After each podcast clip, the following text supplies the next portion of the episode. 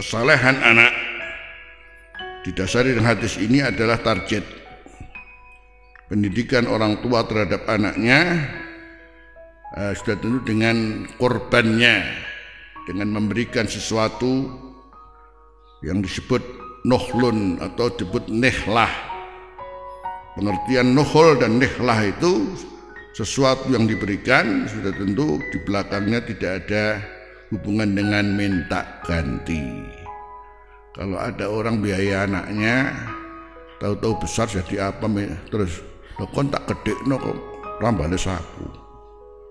Duh, berarti belum tahu hak orang tua terhadap anaknya untuk menjadikan orang. Ini ngono aja kawin jika mana. Ora usah kawin jika mana, nih mana ya kudu siap.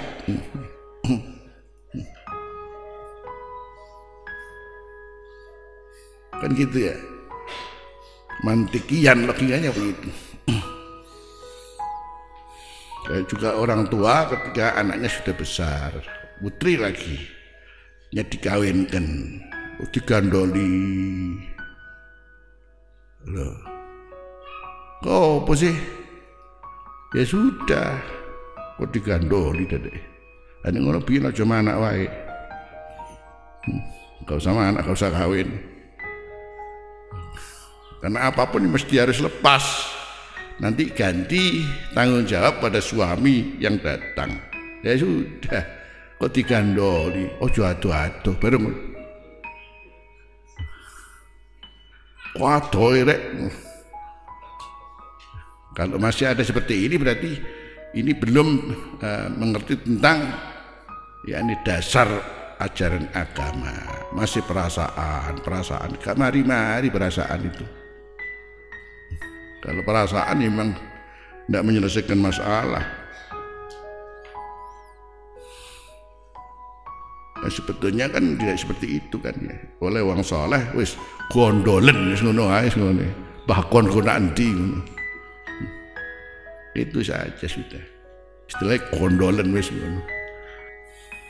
Ya, karena mau tidak mau bisa jadi kan orang tua masya Allah dulu sama anaknya kumpul sepuluh ya pada akhirnya kawin kabeh. Aduh, sisi sini ini Papua. Yang satu di Aceh. Hmm. Yang satu di mana?